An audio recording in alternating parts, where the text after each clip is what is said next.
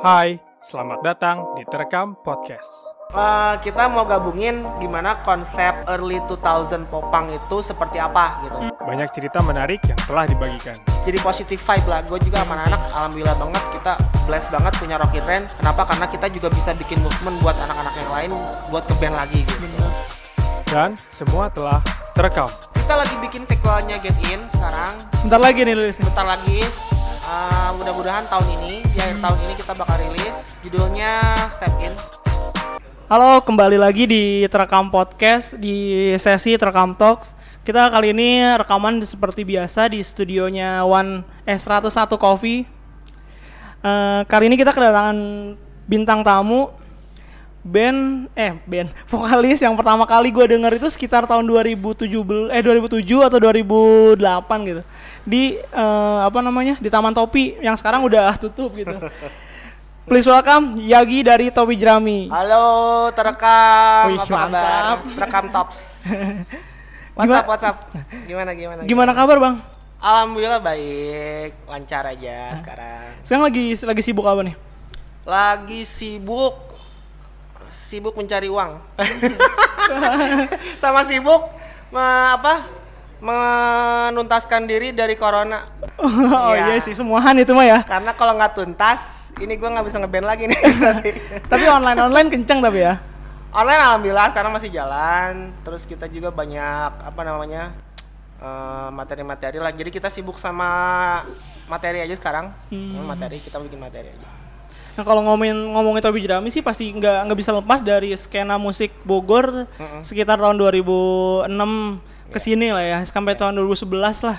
Nah di situ kan abis itu sempat vakum gitu ya bang ya. Nah gua tuh seringnya ngeliat Topi Jerami kan waktu itu sempat ada eh, Kemuning Gading sama eh, apa namanya Taman Topi. On Topi. Jadi kayak pasti kalau waktu zaman-zaman itu pasti ada setiap hari itu pasti ada dua itu kan, dua acara tuh dalam satu Yoi. hari bentrok. Yoi. Nah, si Topi Jerami ini jarang nih di di apa? Di Taman Topi, seringan di di apa? Di Kemuning. iya. Nah, kayak gitu. Nah, itu tuh apa namanya? ya? Eh waktu itu lu sempet sempet ngerasain band regis nggak sih, Bang? Oh sempat, sempat parah. Ah, emang Sempet iya? parah. Emang awalnya memang kita juga dari band SMA kan ya. Band SMA, band, band SMA kan dulu kan kalau mau main di acara itu harus bayar ya kan. Kalau Iya, kita kalau kita nggak bayar, rata-rata nggak akan mau main karena siapa juga kita kan. Ya udah akhirnya dulu sempat ngalamin registrasi, audisi gue sempat ngalamin. Oh, audisi. Audisi. Berarti festival gitu ya kalau audisi. Iya, karena dulu memang acaranya kan eh, lebih lebih terorganize ya kayaknya ya. Maksudnya eh, acara sekelas underground pun eh, di Bogor itu ada sistem audisinya gitu dulu tuh. Oh, gue baru tahu. Gue taunya sih yang regis aja. Heeh, jadi kalau kita misalkan regis terus kita audisi gagal nggak jadi main tuh. Oh, gitu. Nggak jadi main. Betul, betul yang jago-jago aja ya, yang Ah, lolos-lolos aja. Dan akhirnya memang uh, sistem seperti itu ya mem- membuat bandnya juga menjadi lebih baik gitu. Iya sih, benar. uh, kalau ada yang bawain lagu orang dengan bagus, uh, otomatis oh dilirik sama panitia gitu. Oh berarti lu juga pernah bawain lagu orang dulu sebelum lagu sendiri? banget, banget. Gue dulu Ah. sering bawain lagu The Ataris. Oh udah dari ya. Ah, sama sama apa ya? Ya Blink Green Day gitulah Iya, pasti. heeh. standar lah ya. Standar. Berarti lu sempat naik dari kayak dari band regis ke featuring, Ya. jadi gue star gitu ya. ah, ah. Enggak dari dari Regis Ah. sempat ini dulu apa namanya? Sempat gratis. Oh, Gratisan, ga- tapi oh. belum featuring tuh. Bedanya apa bang? Generalis sama featuring? Kalau kalau featuring kan istilahnya udah di di atas atas tuh Ah. si nama-nama bandnya. Kalau kita masih bawa yang kecil-kecil. Nah Oh. tapi udah nggak regis tuh, Ah. udah nggak regis. Terus abis itu baru featuring. Hmm. Nah baru abis itu featuring terus dibayar tapi bukan sama uang, sama sama konsumsi. Oh, konsumsi. oh berarti kalau featuring cuma diundang aja gitu ya? Iya, dulu dulu ada featuring yang memang uh, untuk lokal heroesnya kita nggak dibayar. Ah. Jadi kita cuma dikasih, oh lu nih makan nih. Nih gua gua kasih makan, gua kasih supply. Ya udah, main ya makasih ya gitu. Udah. Sampai akhirnya kita punya fee gitu. Mhm. Berarti emang dari bawah banget gitu ya? Mm-mm. Nah kalau boleh tahu ngomongin Topi Jerami di tarik mundur ke belakang, Topi Jerami ini band sekolah nggak sih bang? Band sekolah banget. Jadi high school pop punk Iya. band gitu? High School Pop Punk Band karena memang di 2004 itu kan si Rocket Rockers sama kawan-kawannya kan lagi naik. Nah, Itu juga motivasiin kita juga karena kita juga dulu dengerin eh, lokal-lokal popang juga. Karena memang guanya guanya dulu kan bukan memang eh, anak punk ya. Iya. Istilahnya gua dulu dengerin apa aja gitu, alternatif. Terus juga metal. Gue dulu dulu seneng dengerin Slipknot banget. Oh Slipknot. Heeh. akhirnya teman gue ini gitaris gue yang dulu tuh si namanya si Reza kalau nggak salah itu ngasih lihat si Rocket Rockers gitu di 2004 tuh ini apaan sih gue bilang ini pang katanya pang rock oh Wih. skate punk gitu oh gue Hmm. pikir kayak kayak NoFX gitulah Hmm. ternyata emang bener musiknya asik oh iya gue jadi suka nih musik-musik kayak gini lagi gitu akhirnya ya udah bikin band Nah, sebenarnya pas waktu lo zaman-zaman manggung-manggung di Bogor itu kayak Kemuni Gading segala macam. Nah, kenapa kalau di antara band-band lain tuh kan suka suka ngasih-ngasih lempar-lempar stiker gitu ya. Oh, iya. Nah, gue gue gue inget banget nih ketika gue sebagai penonton lu gitu ya. Yang band jarang ngasih stiker tuh Tobi Jerami, The Powerpuff Boys tuh. Asli itu. Mau waktu itu tuh gue kayak kayak apa namanya? Anjir gue pengen banget nih dapat stiker Tobi Jerami yang ini Bang, yang apa? Yang bootlegnya Ah. Pizza Hut tau nggak? oh iya itu gue pengen banget anjir gue sampai bikin-bikin tuh bikin sendiri kan Oh, lu nggak dapet ya? Iya, nggak nggak ngelempar-lempar itu alasannya apa sih bang sebenarnya karena udah habis di backstage Oh, enggak dulu dulu emang kalau kita kayak stiker-stiker gitu emang bikinnya sedikit gitu. Oh. jadi nggak nggak banyak. Habisnya kalau kita manggung besoknya lagi nggak ada stiker lagi kan? Ya udah bagian sedikit aja deh. Rata-rata udah habis semua di backstage gitu Oh, dimintain sama orang-orang. Karena kalau gue nya unik kan dulu kan? Itu kebetulan gue yang bikin. Tobi Jerami. Yang apa namanya eh, ngem- apa? Bootleg gitu. melesetin pizza itu kebetulan banyak yang suka. Iya. Jadi kita tempel di helm di motor udah habis tuh. Sering tuh Tobi jerami ya logo-logonya kayak dari brand-brand terkenal diganti sama Ah, ah, ah, dulu kan memang lagi zaman kan dulu kan si Uncle gara-gara Oh iya, itu Uncle Uncle 347 kan suka melesetin logo. Ternyata gue juga suka gitu kan melesetin logo. Akhirnya bikin keren sih maksudnya kalau ya ya itu sih apa kata gue ini bedanya band apa band gue star yang di Bogor udah terkenal banget nggak pernah lempar-lempar stiker enggak ya sebenarnya Enggak, lempar juga. lempar cuma nggak banyak aja. Eh, atau si apa si apa si penontonnya tuh ya emang udah di depan semua gitu. Iya. Biasanya kan kalau yang belum yang belum pada ke depan baru lempar stiker baru Rata-rata pancingannya gitu. Ah, nah, si Topi Jeram ini kerennya di waktu zaman lagi rame-ramenya nggak pernah tuh. Ah, ah, Keren alhamdulillah sih, ya. emang. Memang kalau dari uh, visi gue memang kalau band itu kalau bagus ya bagus aja. Nah, sih gitu. kalau bikin musik bagus ya bagus aja nggak perlu ada pancingan macem-macem gitu. Ya udah alhamdulillah sih akhirnya. Keren sih. Nah waktu sebenarnya bang waktu pertama kali gue nonton lo di mana di Taman Topi itu Hmm. gue belum familiar nih sama musik yang kayak gini karena kan kebanyakan waktu itu punk, skate, skate punk terus kayak apa skinhead gitu-gitu kan ska. Hmm. Iya, benar. Nah oh, itu kan gue inget tuh. Nah itu tuh emang dari emang sebelumnya ada yang lu apa ya lu lu ikutin apa emang Hmm. lu kayak wah ini jarang nih di Bogor gimana gitu. Ah, sebenarnya sih nggak sih kita generik aja common misalkan ah, karena gue dengerin Rocket Rockers itu kan pertama kan di 2000 berapa 2004 tuh album Ras Bebas kalau nggak salah setelah dengerin itu ya udah gue oh ke trigger nih bikin band bikin band seperti ini gitu. Terus ada ada The Ataris juga yang gue dengerin kan selain metal itu ada The Ataris. Gue gue suka banget sama The Ataris tuh. Uh, musiknya kayaknya jujur gitu kan. Uh, apa namanya soundnya segala macam jujur. Dari lirik pun jujur. Nah itu makanya uh, salah satu influence gue buat bikin lirik itu si Chris Rowe itu si vokalisnya ada atas itu. Karena dia bikin liriknya memang benar-benar jujur terus relate sama kehidupan kita masing-masing gitu kan dan nggak menye-menye gitu liriknya gue Iya, senang jadi gitu Semangat gitu ya. Semangat banget. bawaannya gitu. ya. Ha-ha, kalaupun dia harus nulis lirik yang broken heart dia bikin lirik itu dengan sangat sangat ksatria gitu Iya, bahasanya gitu kalau Cowok banget lah ya gitu. cowok banget lah gitu nah itu maksudnya kita nggak nggak ngikutin apa namanya oh ini yang lagi laku enggak karena kan memang kita eh, dulu di 2004 2005 itu memang eh, zaman apa progres musiknya lagi ke sana gitu banyaknya Hmm. setelah emo dan apa namanya metalcore gitu-gitu popang juga termasuk salah satu genre yang dilirik waktu itu kan. Banyak Iya. dimainin sama anak muda. Ya udah kita akhirnya uh, go with the flow aja gitu. Nah kalau ngomongin la- kalau ngomongin itu lagu pertama Topi Jeram itu takkan hilang bukan sih bang? takkan hilang bener. Takkan hilang ya. Heeh. Pantesan itu endemik banget sih di otak gua kan ini. Kar- karena si takkan hilang ini kan nggak ada di album pertama kan? nggak ada Nggak ada kan? Baru ada lagi di Nothing More Nothing Less. nothing more nothing less. Heeh, kata gue kok ini jadi kalau ada anak skena duluan lah kak, anak, Ah. anak anak apa anak acara kalau bahasa zaman dulunya anak acara duluan tuh pasti ngeplaynya takkan hilang sedangkan gua gua cek di internet gitu pure volume segala MySpace kok nggak ada takkan hilang kata gua itu emang se emang yang bikin trigger dari topi jerami buat dikenal orang juga nggak sih bang? Ah jadi Takkan gini lagunya gitu. Lagunya ini uh, unik juga karena kita dulu ditawarin uh, kompilasi Putih Dalam Abu. Iya, tahu, Nah, tahu. Karena kita pas kelas 3 itu kan mau lulus di Bogor itu lagi ada komunitas-komunitas musik uh, SMA gitu Iya. banyak karena kan kita pengguanya juga banyak kan anak SMA juga waktu itu kan. Jadi teman gua si Topan ini bikin kompilasi namanya Putih Dalam Abu.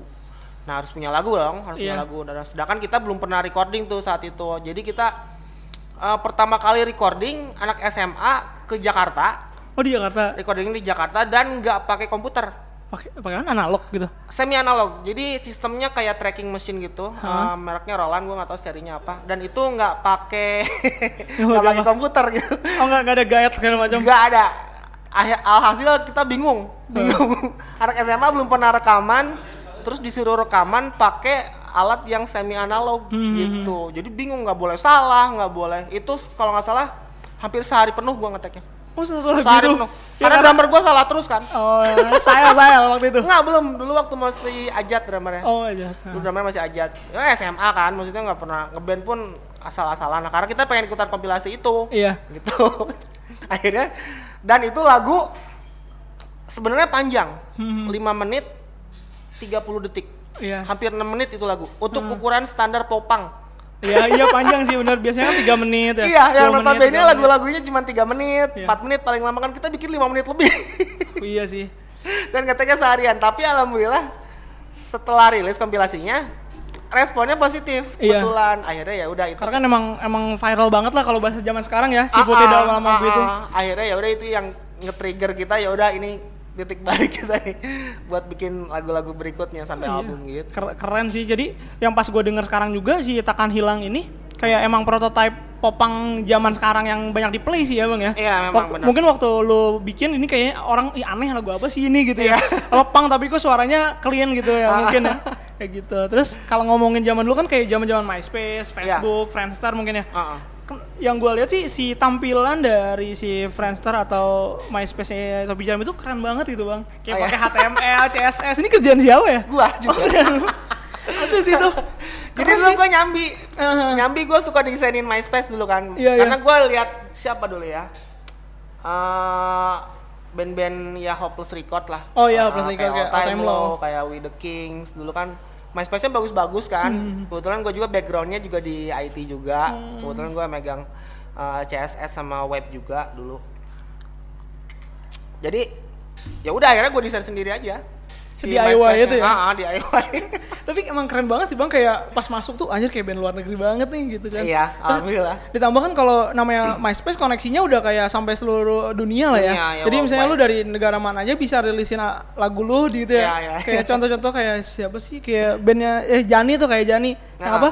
Bibir merah berdarah juga kan dari Iya, MySpace ya. betul, ah, dari Nah itu sih jadi eh anjir ini jadi jadi apa ya role model lah buat band-band popang Nah. zaman itu gitu kan. Kebetulan pas gue bikin template itu, teman-teman gue pada mau bikin juga. Ah. jadi Oh, jadi- usaha itu. Sebogor tuh lu Ah, yang bikinin. Jadi gue jualin itu Iya, template iya. itu. Oh, gue ya yang gue inget tuh kayak siapa siapa ya?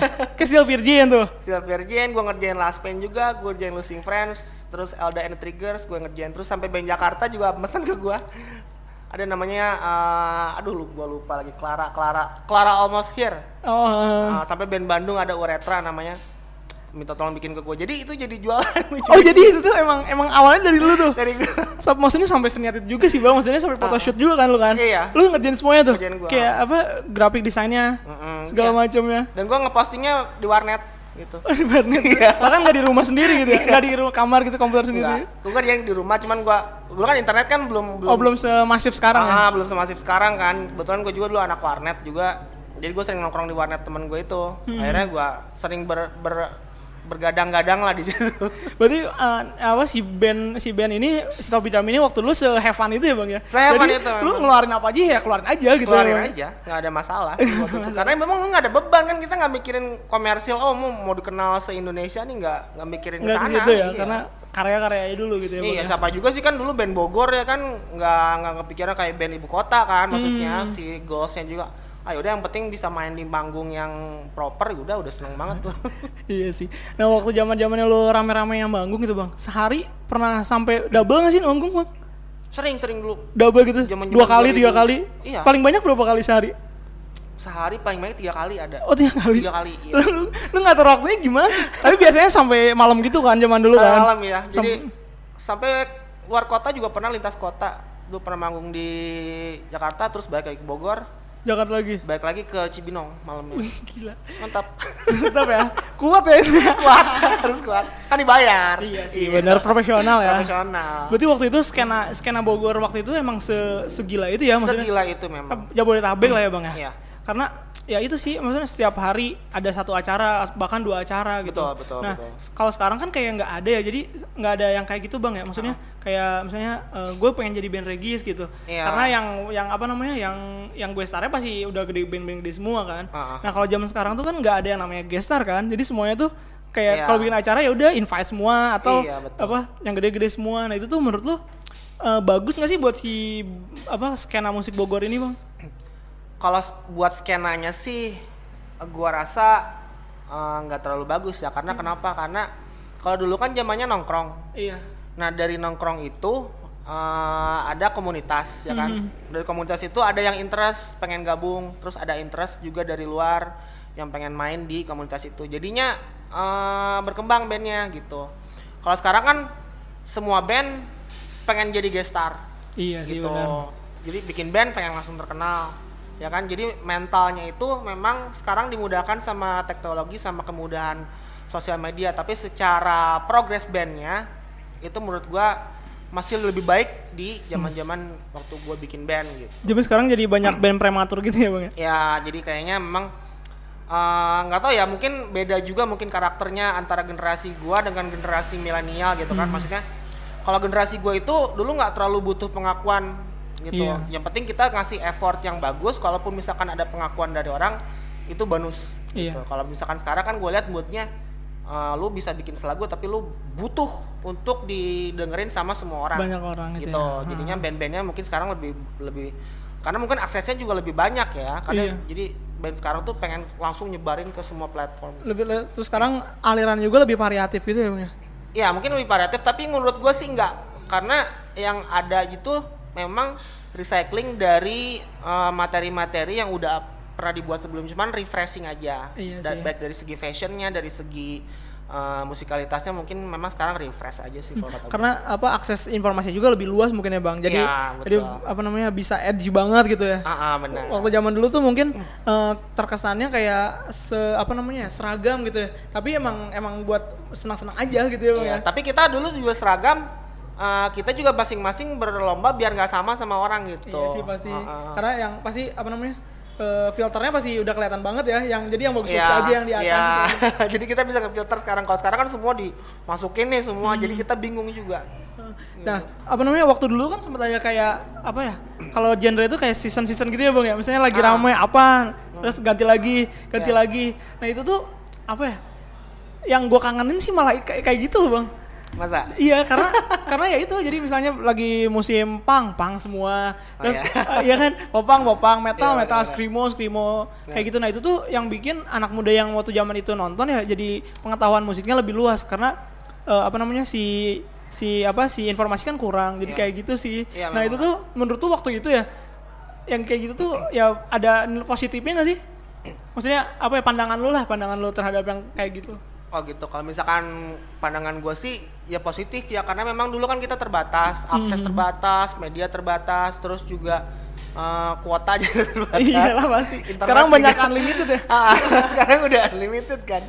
Jadi kita tuh berusaha nyari gitu. Kalau dulu tuh berusaha nyari yang memang belum pernah didengerin orang gitu. Hmm. Karena orang lain pun pasti belum pernah dengar gitu. Kalau kalau sekarang karena sudah ada semua dengan gampangnya eh, ya udah sekarang orang bisa dengar apa aja. Tapi eh, sisi buruknya adalah orang nggak akan mungkin bikin satu materi yang benar-benar fokus ke situ Iya. gitu. Jadinya ngacak Ya harus ngikutin itu ya. karena memang influence-nya lebih banyak daripada dulu gitu. Kalau dulu memang orang bikin band ada unique pointnya karena dia tetap mengikuti band yang memang uh, jumlahnya lebih minimalis daripada sekarang gitu. Iya sih. Sekarang udah udah jelimet banget Sekarang banyak. udah banyak, iya variasinya udah banyak. Jadi kemungkinan kemungkinan polarisasinya lebih generik sekarang Hmm. daripada dulu. Kalau dulu memang orang dengerinnya satu ini aja. Ah, gue ngefans sama si Noise for Name misalkan. Gue Iya. bikin kayak band ini. Sedangkan yang orang lain juga gue ngefans sama User ID. Oh, gue bikin kayak gini. Kalau sekarang kan semua campur kayak Iya sih banyak Jadi yang mungkin lebih generik sekarang daripada dulu ya. Makanya Iya. itu yang membuat band-band eh, yang lama itu bisa long last tuh seperti itu karena memang punya unique point. Jadi ya membekas banget lah ya yang Ya, buat yang dengernya. betul. Kayak gitu. Nah terus gue juga kan sempet tadi kemarin-kemarin sempet baca tuh yang dari Knur Records gitu ya. Dia dari headline-nya aja udah udah ini kalau popang tuh udah mati kata dia. Bang. Jadi bagus banget tulisannya. Iya kan bagus kan ya. Nah itu menurut tuh emang realnya kayak gitu apa gimana? Tapi eh, apa namanya ya? Secara sebagai lu dari topi jerami gitu ya. Kalau gua sih sebagai musisi ya maksudnya mandang genre gua karena ini genre unik. Iya sih. Unik banget bro ini genre. Ini bisa di- ini genre yang nggak ada limitnya kalau menurut gua. Eh, Bisa karena digabung dengan uh, jenis musik apa aja gitu. Hmm. Maksudnya base-nya tetap punk rock, cuman lu bisa gabung dengan musik apa aja baik itu pop, baik itu jazz, baik itu metal. Oh, iya. Jadi istilah popnya itu bukan mengacu pada genre pop, tapi popnya itu Populer ini ya. adalah musik punk yang dipopulerkan ke Iya. halayak umum gitu. Kalau menurut gua sih gitu uh, pandangan pop punk ya. Hmm. Jadi memang attitude-nya memang harus punk dulu kalau kalau gua ya. iya. Kalau sekarang kan banyak orang band apa misalkan Iya. uh, no hard feeling nih ya maksudnya Aha. sorry itu saya maksudnya banyak band yang generic rock tapi ngakunya pop punk Iya kan gitu. Jadi jadi secara lirik juga udah beda tuh kalau gua Hmm. ngelihatnya, kalau gua ngedengarnya. Jadi mungkin seg- segmented pop punk itu memang sebenarnya musik segmented, cuman Iya. di di era-era 2000-an itu meledak karena MTV kan. Iya, MTV. Nah, itu yang membuat membuat popang itu jadi didengerin sama semua orang ketika itu. Nah, Mhm. ke sini uh, dewasa ini tuh mungkin sebagian orang sudah melupakan di era early 2000 itu. Ah. Jadi mereka memang foundationnya juga kayaknya kurang kuat untuk membuat Iya sebuah benar band popang gitu. ngerti ngerti. Jadi cuman kayak ba- sebagai referensi aja gitu ya popang Iya, tuh sebagai referensi fashion mungkin atau sebagai referensi style mungkin atau hairstyle. Jadi dia gitu. nggak nggak nggak apa ya nggak mendalami dulu si popang Ah. itu langsung bikin aja gitu ya. Iya, Bang. gitu. Nah, kalau kalau ngebahas yang si apa si popang pop apa yang popnya ini sebagai dipopulerkan yang pangnya itu gue ngeliat sih dari Talking to Your Doors juga udah keren banget sih bang itu kayak ada beberapa apa genre musik lain kan di situ. Eh. Iya. Ya itu se- seperti itu yang gue bilang kedinamisan musik popang itu seperti itu. Hmm. Bisa lu belokin ke mana aja gitu musiknya. Iya sih. Misalkan ada part metalnya bisa nggak masalah, nggak Iya. nggak ada nggak ada hukumnya gitu secara secara musik. Kalau misalkan metal kan udah ada pakemnya gitu kan. Kalau jazz udah ada pakemnya. Kalau si musik popang ini ya bisa lu bawa ke mana aja musiknya gitu. Hmm. Nah kalau ngomongin musik dan album dari Poppy Jerami ya, menurut gua, menurut gua sih bang ini pandangan gua kalau Ya. si Nothing More Nothing Less itu udah paling keren sih menurut gua. Masa? Enggak maksudnya udah dari, Jadi dari malu album aku. Apalagi yang Jadi two, generation itu ya, kayak Oh, iya. waktu zaman itu tuh kayak anjir ini gua tuh kayak gini gitu. iya. Ya kan udah kayak zaman sekarang tuh ya kayak orangnya lu jelasin di two O generation Iya. itu lu lu yang bikin ya liriknya. Uh, jadi sebelum orang bikin lagu tentang milenial, gue udah bikin duluan. Iya itu maksud gue bang Yang si Talking to Your Door lu zaman sekarang bikin pada bikin kayak gitu lu udah pushin duluan ya kan Iya. Keren sih itu maksudnya cara lu cara membaca membaca apa namanya membaca tren itu kayak gimana sih bang? Lu referensi atau coba nebak-nebak aja atau apa yang lu suka aja gitu? Ak- ya mostly dari media ya. Oh, Misalkan membaca tren itu kan pasti dari media. Kalau gua kebetulan dulu sering ikut forum gitu-gitu kan di Kaskus, di mana-mana di Indo apa namanya dulu? Indo. Indo Webster. Oh, Indo Webster, Indo. Webster. Lu hampir lupa itu.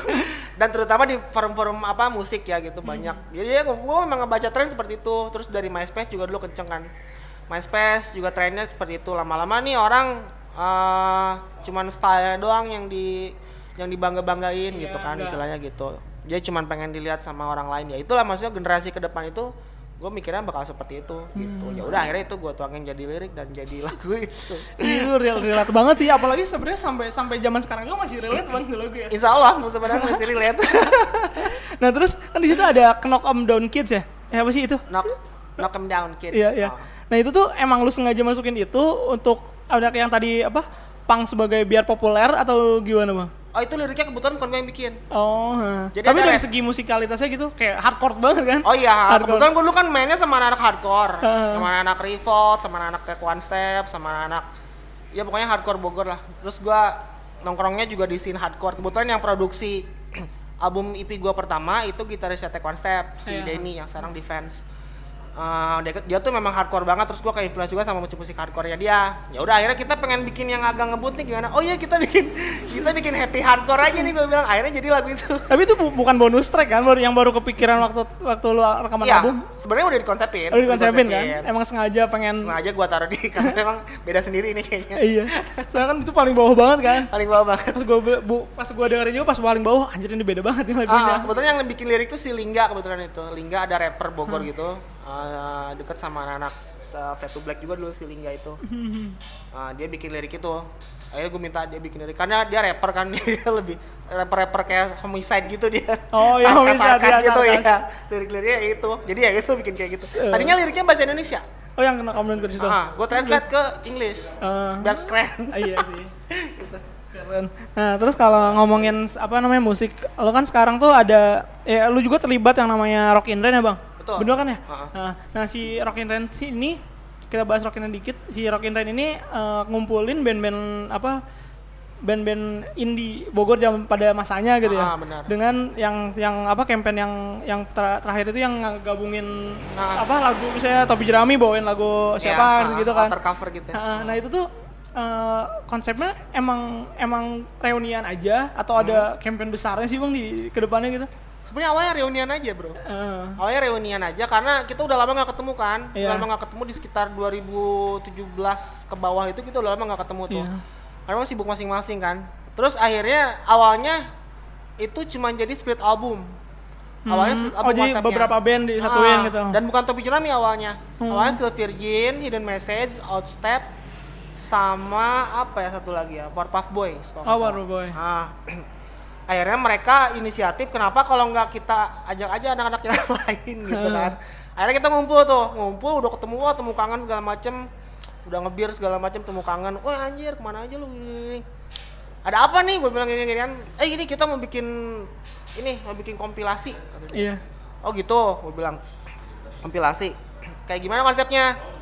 Konsepnya ya udah kita ngetek aja lagu-lagu baru kita.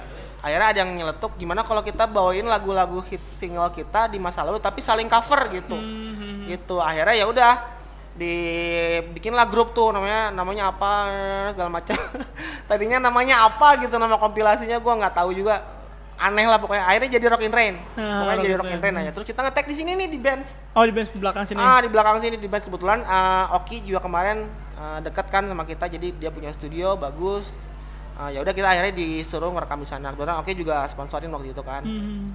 Akhirnya ya udah ngerekam tuh saling cover cover cover cover. Jadilah akhirnya sampai launching alhamdulillah banyak lagi yang ngumpul yang datang kebetulan eh, launching itu di eh, Handcook ya? Ya Handcook, Handcook Gue dat datang sih. Dan itu pecah banget. Pecah parah. banget sih. Itu reunian banget sih. Kayak reunian berasa banget. banget Iya, gue ketemu lagi sama orang-orang lama, akhirnya gini, gini. Dan sebagian memang menganggap uh, Rock in Rain itu menjadi trigger lagi untuk musisi Bogor berkarya lagi gitu. Hmm. Banyak band-band after Rock in Rain yang gue lihat pada reunian lagi. Nah itu maksudnya jadi positive vibe lah. Gue juga Iya sama anak alhamdulillah banget kita blessed banget punya Rock in Rain. Kenapa? Karena kita juga bisa bikin movement buat anak-anak yang lain buat ngeband lagi gitu. Bener sih. Termasuk singlenya juga satu jiwa satu hati itu gue tulis untuk motivasi teman-teman biar bisa ngeband lagi gitu. Gitu udah sih Ah, sih. backgroundnya. Jadi emang buat ya buat nge- buat nge apa ngebangkitin musik Bogor aja lah Iya dan intinya, itu Bang, ya. dan itu menanamkan semangat kolektif lagi. Iya sih bener karena yang zaman sekarang kan kayak yang nyari sponsor udah kayak kaku banget lah ya. Ah, kaku banget Kalau- istilahnya ya lu harus mewoloskan diri lah Iya. sejenak. Jadi kurang kurang nongkrong maksudnya kurang Ah. kolektif anak-anak Ah, gitu ya. think about community lah, think about music lagi. Bener. Nah terus kalau kalau ngomongin topi jerami ke sebelum-sebelumnya gitu ya, Ya. ya yang terakhir gue lihat itu lu ada di video klip salah satu band baru nih. itu. Eh, terus gue juga kan itu itu udah kalau kalau yang belum tahu nama bandnya Anar Anarcute ya bang ya. Anarkid betul. Nah, yang yang yang yang yang salah satu personelnya tuh Carrie Astina. Si Carrie Iya, dia tuh kayak ya youtuber musik gitu lah ya. Bang, ya. Ah. Nah terus kemarin juga gue dengerin podcast lain gitu ya. Terus Iya. ada kalau ya kalau yang scan anak scan pasti tahu Ajis 2000 sama Gilang Gomblo. Oh iya. Yang Ah. apa MC MC kondang Jakarta Bogor lah ya itu ya. Iya, nah iya. kemarin juga sempat sempat mention Tobi Jerami bang bahas Oh, sama- Jadi ya emang zaman-zaman jadi si salah satu apa podcasternya itu dia tuh band regis di Bogor waktu zaman dulu. Oh gitu. Nah, dia sempat mention Tobi Jerami tuh. Nah, si Tobi Jerami itu waktu zaman itu se, se famous itu, Bang. Enggak maksudnya berarti emang orang udah orang tuh udah pada tahu gitu kan, udah luas sampai teman gua juga mantannya ada orang Jambi pada tahu juga. Oh iya. Iya. Kalau lu tanya se-famous itu gua nggak bisa ngukur. Gua nggak punya alat ukur kefamousan Iya sih, bener soalnya. Ya tapi yang nilai mungkin audiens lah ya maksudnya. Ya kalau misalkan musik gua related sama orang-orang ya itu gua bersyukur banget gitu. Hmm. Akhirnya ya memang banyak yang dengerin sampai orang Malaysia juga pernah nge-DM waktu di MySpace mereka suka lagu kita terus kita juga punya jadi jadi jadi berteman lah sama sama Hmm. orang-orang di luar negeri juga gitu Nah, balik lagi ke si Anarcute ini, lu tuh emang dihubungin gitu atau emang udah kenal sama si kayak Carrie sebelumnya? Sebelumnya belum. Jadi memang si anak-anak anarkit ini kan dia gerilya nih. Eh, Karena konsepnya eh, ngajak vokalis-vokalis band buat jadi featuring di video klipnya kan. Kebetulan waktu itu yang diajak Bonar. iya. Bonarnya Live Sikla Hmm. dulu di Hidden Message.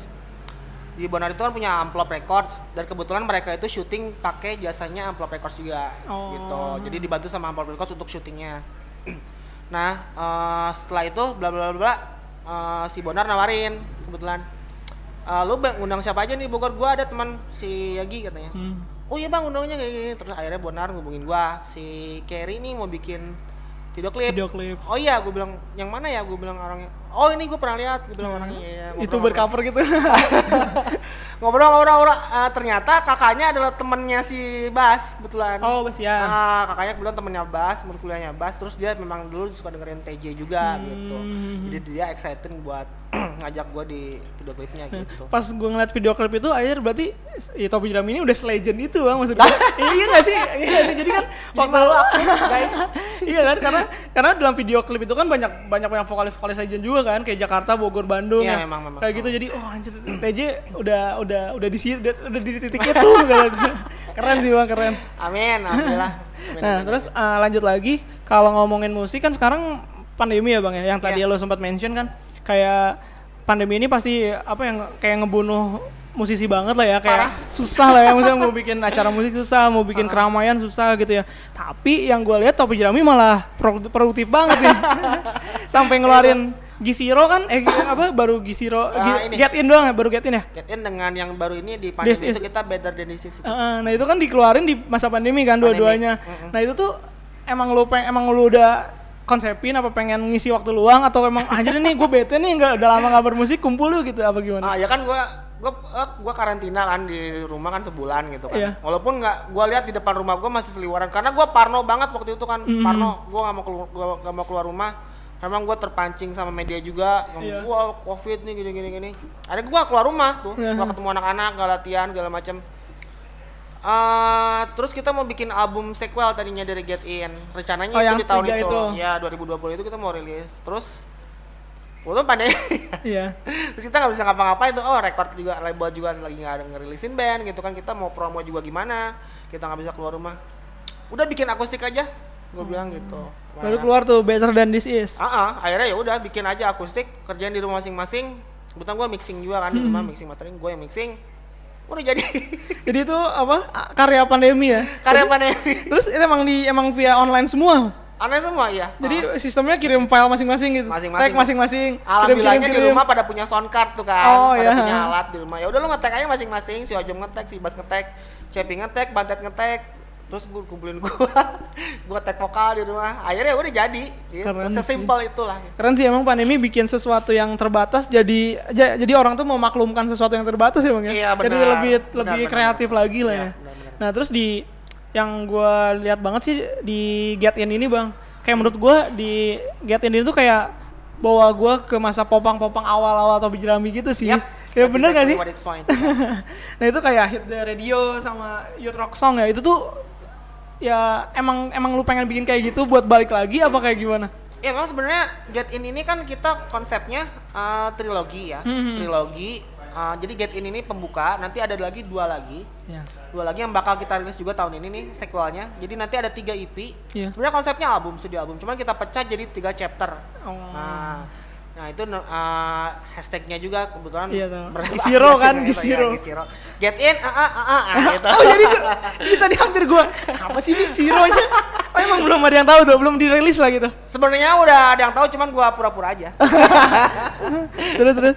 ya udah akhirnya eh, kita mau gabungin gimana konsep early 2000 popang itu seperti apa gitu.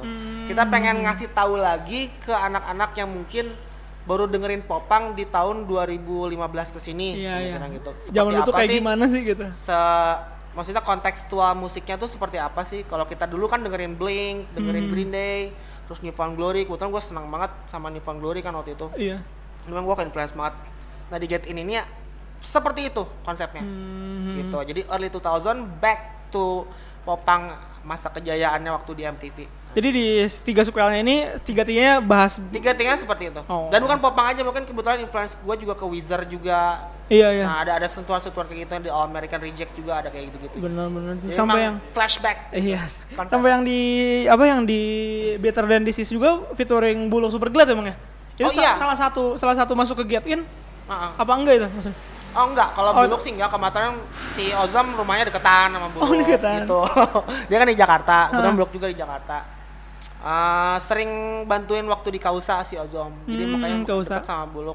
Udah akhirnya suruh nyanyi. Oh dia mau tuh. Mau. Oh, keren sih itu.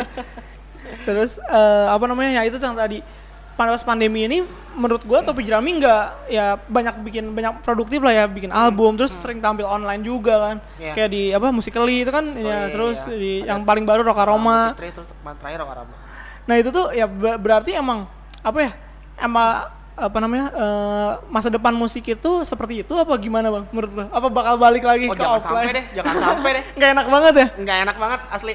Enggak enak banget. Karena kayak kayak tag live aja gitu ya bang ya? Iya, kita nggak punya Padahal interaksi sama manggung orang. ya? Heeh, kita nggak punya interaksi sama orang, walaupun kita sesemangat semangatnya di Get In, Hmm.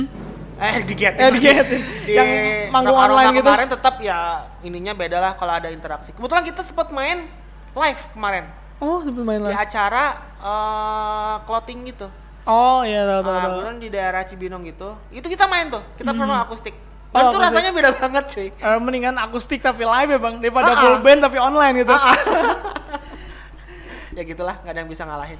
Tapi tapi menurut lu bakal bakal kembali lagi kan ya maksudnya? Ya, mudah-mudahan bakal kembali lagi. dengan penyesuaian penyesuaian kali ya. Iya mungkin memang salah satunya memang kita udah harus berdampingan kalau mau Iya. kita ya menurut gue sih gini kalau kita pandangannya tentang pandemi ini tetap uh, takut tetap paranoid ya sampai kapan pun akan gini-gini aja mesti ada yang mendobrak salah satu tapi dengan rules yang udah ditetapkan gitu Oh, misalkan iya. jadi kita nggak menyinggung siapa-siapa kita juga nggak bisa nggak harus berbenturan dengan pemerintah gitu Hmm. misalkan kita tetap bikin acara cuman ya udah kita proof ini acara bisa uh, membuktikan kalau kita setelah acara itu sehat Iya gitu. sih. Itu Jadi manggung-manggung online ini sebagai salah satu eh, apa ya proses buat nanti ada nih prototipe-nya gitu ya untuk Iya. manggung secara offline Ah. di pandemi gitu ya bang ya. Karena memang industri hiburan itu memang menyumbang sebagian besar kan.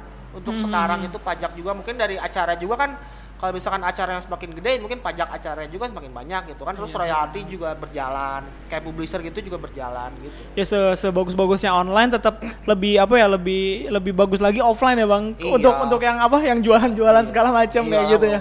Itu udah dari zaman nenek moyang itu. Iya, benar. Gitu.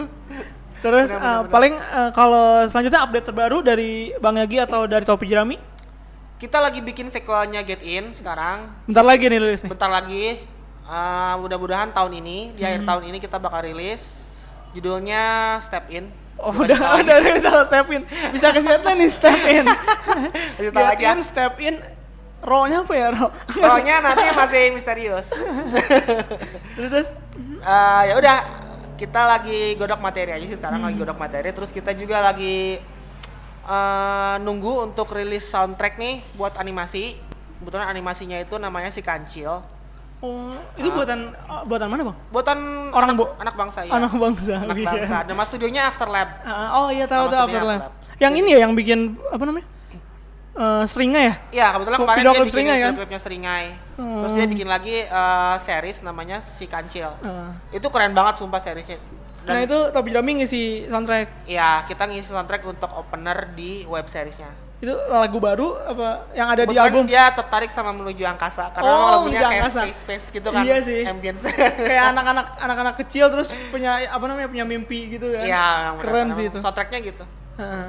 Nah, lanjut lagi untuk ada pertanyaan dari Instagram, Bang. Oke. Nah, kalau ngomongin album ya, Hmm. menurut menurut Abang dari Topi Jerami yang menurut ini udah Topi Jerami banget nih. Apa tuh album?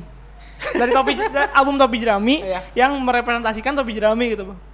Oh, nothing more, nothing less. Nothing more, Ah. nothing less ya. Karena itu udah lengkap banget sih ya. Ah. Dari semua semua yang ya lengkap lah ya dari sampai ada hardcore-nya Itu juga. istilahnya album gado-gado, tapi itu uh, Oke, keren nge-define keren sih itu. nge-define musik Topi Jerami dari segala aspek. Eh, terus dari segi musiknya juga kayak apa ya nggak nggak terlalu raw banget tapi ya Iya. bagus bagus aja gitu Iya. semangatnya tetap dapat terus ininya Kenapa nih namanya nothing more, nothing less? Nggak ya, ya Karena itu, kita- nggak lebih Ah, kurang nggak lebih. Jadi semua elemen di situ tuh ada gitu. Oh, iya. Orang mau dengerin yang agak mellow, orang mau dengerin yang upbeat, orang mau dengerin yang mid tempo, orang yang mau dengerin yang hardcore, ada semua di situ. Hmm. Tapi tetap benang merahnya Topi Jerami gitu. nah terus ada lagi bang gimana caranya bikin lagu yang nggak ribet tapi tetap enak gitu tetap membekas gitu Gimana ya? maksudnya kayak lagunya kan simpel-simpel ya nggak kayak Ah, ah. melodi yang gimana-gimana Ah, nggak ah. yang drum yang variasi-variasi tapi tetap tetap membekas dan orang banyak singelong gitu Kalau gua sih prinsip gua metodologi gua bikin lagu adalah gua nyanyi dulu refrennya. oh iya Heeh. jadi dari lirik dulu eh Sebenarnya sih nggak lirik. Oh, nggak. Gua nana-nana gitu. Oh, bahasa iya, alien iya, dulu iya. lah istilahnya bahasa alien, tapi gua bikin ada vokal dulu di ref kebetulan.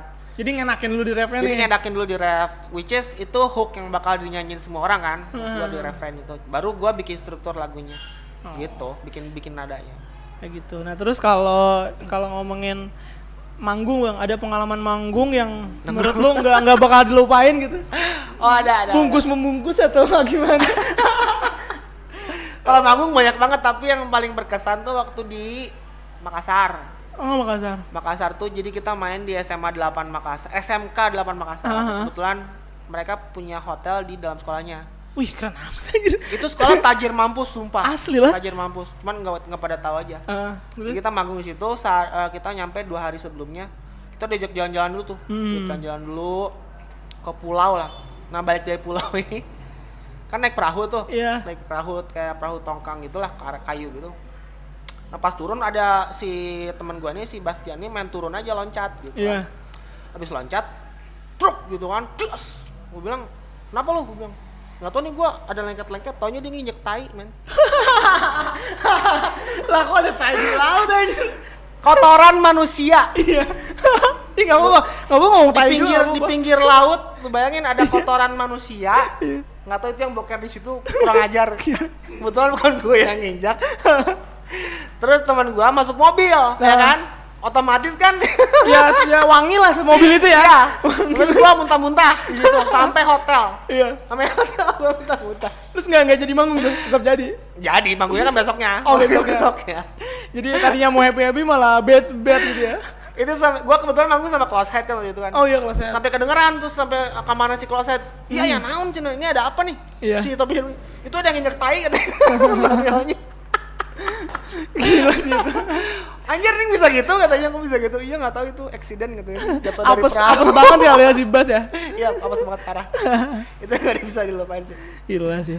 Terus eh, selanjutnya kalau kalau ngomongin si apa namanya si topi jerami ini ya bang ya? Maksudnya Ah. kan banyak banyak band-band dari angkatan topi jerami yang ya udah udah udah mana tahu gitu ya. Ah. tapi kayak kayak banyak yang mencoba reunian. Nah ini tuh kayak topi jerami itu tetap konsisten gitu walaupun Iya. ya. masa-masa yang kayak 2011 sampai 2018 atau 17 kan sempat emang vakum Iya, iya. semuanya tuh Iya. tapi ketika balik lagi balik lagi semua dan produktif lagi apa sih bang itu yang yang bikin lo ya kayaknya ini waktunya nih gitu ya buat kembali lagi itu apa sebenarnya kalau ngomong vakum sih kita nggak pernah vakum men iya kita nggak pernah vakum karena kita recyclingnya gini kita bikin album Hmm. terus di tahun-tahun berikutnya sebelum album itu kita lempar single Oh. Nah tapi masa promonya single itu kadang satu tahun. Kayak buktikan sekali lagi itu masa promonya satu tahun kayak Hmm. gitu-gitu. Jadi memang banyaknya single-single gitu sebelum Hmm. album lagi. Jadi jadi kalau kita umpamain ya kita nggak pernah vakum gitu. Iya kalau sih, kita bisa benar. bilang kita nggak pernah vakum, tapi kita terus bikin lagu. Karena memang konsepnya di TJ itu ya itu tetap lo fun tapi Hmm, tetap produktif. produktif gitu ya. Ah. Ya karena kan yang kebanyakan kan ya kayak ada takut gitu ya buat rilis album Ya, baru kayak Topi ah. Tuh rilis rilis. kita rilis aja. Terus Kita nating tulus. Pokoknya Iya mau didengar mau enggak ya alhamdulillah sih banyak yang denger. iya sih alhamdulillah. Nah terus lagu bang, lagu Topi Jerami yang paling ya paling lu suka lah yang nomor satunya gitu dari dari lu. Sekarang apa dulu nih? ya semua semua lagu topi jerami gitu. Semua. Nomor satunya. Nomor satu sih gua tetap sisi baru.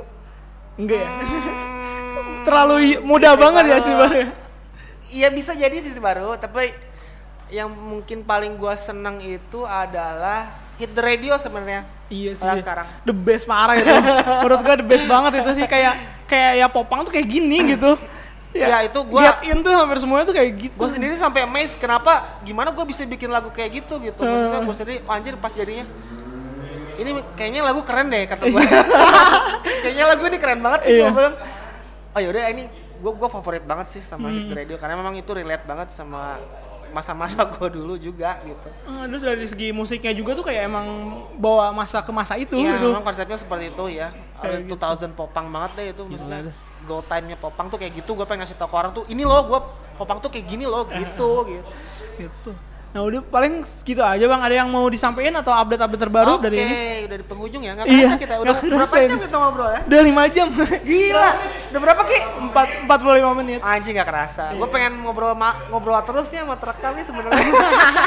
Nanti kita bikin sesi lagi kali ya. iya Oke, yang eh, mau disampein atau yang mau update terbaru? disampein sama anak-anak muda ya terus berkarya aja, Mhm. eh, terus membuat sesuatu yang beda karena Mhm. kan generasi kalian ini generasi yang istilahnya dimanjakan lah. iya semuanya gampang gitu ya. Semuanya gampang, jangan ngerasa terlena, jangan ngerasa cepat putus asa, tetap berlaku sesuai dengan yang lu passion, tetap berlaku sesuai dengan yang lu gemari gitu aja sih.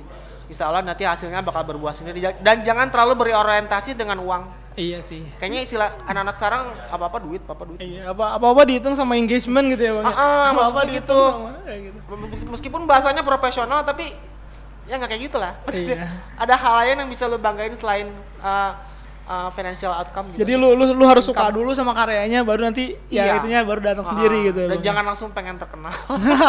siapa juga lu gitu ya lu harus proses dulu Nanti kali gue banyak saingannya. jadi jadi pesannya jangan bikin band gitu Jangan lah. Iya. Tetap bikin band, tetap bikin band. Ya gitu lah pokoknya. Ya, jadi paling gitu aja. Aduh, makasih makasih Bang banyak. Yagi udah datang. Jangan jangan kapok kita. Nanti kita Eh, ngobrol-ngobrol nggak lagi. dong.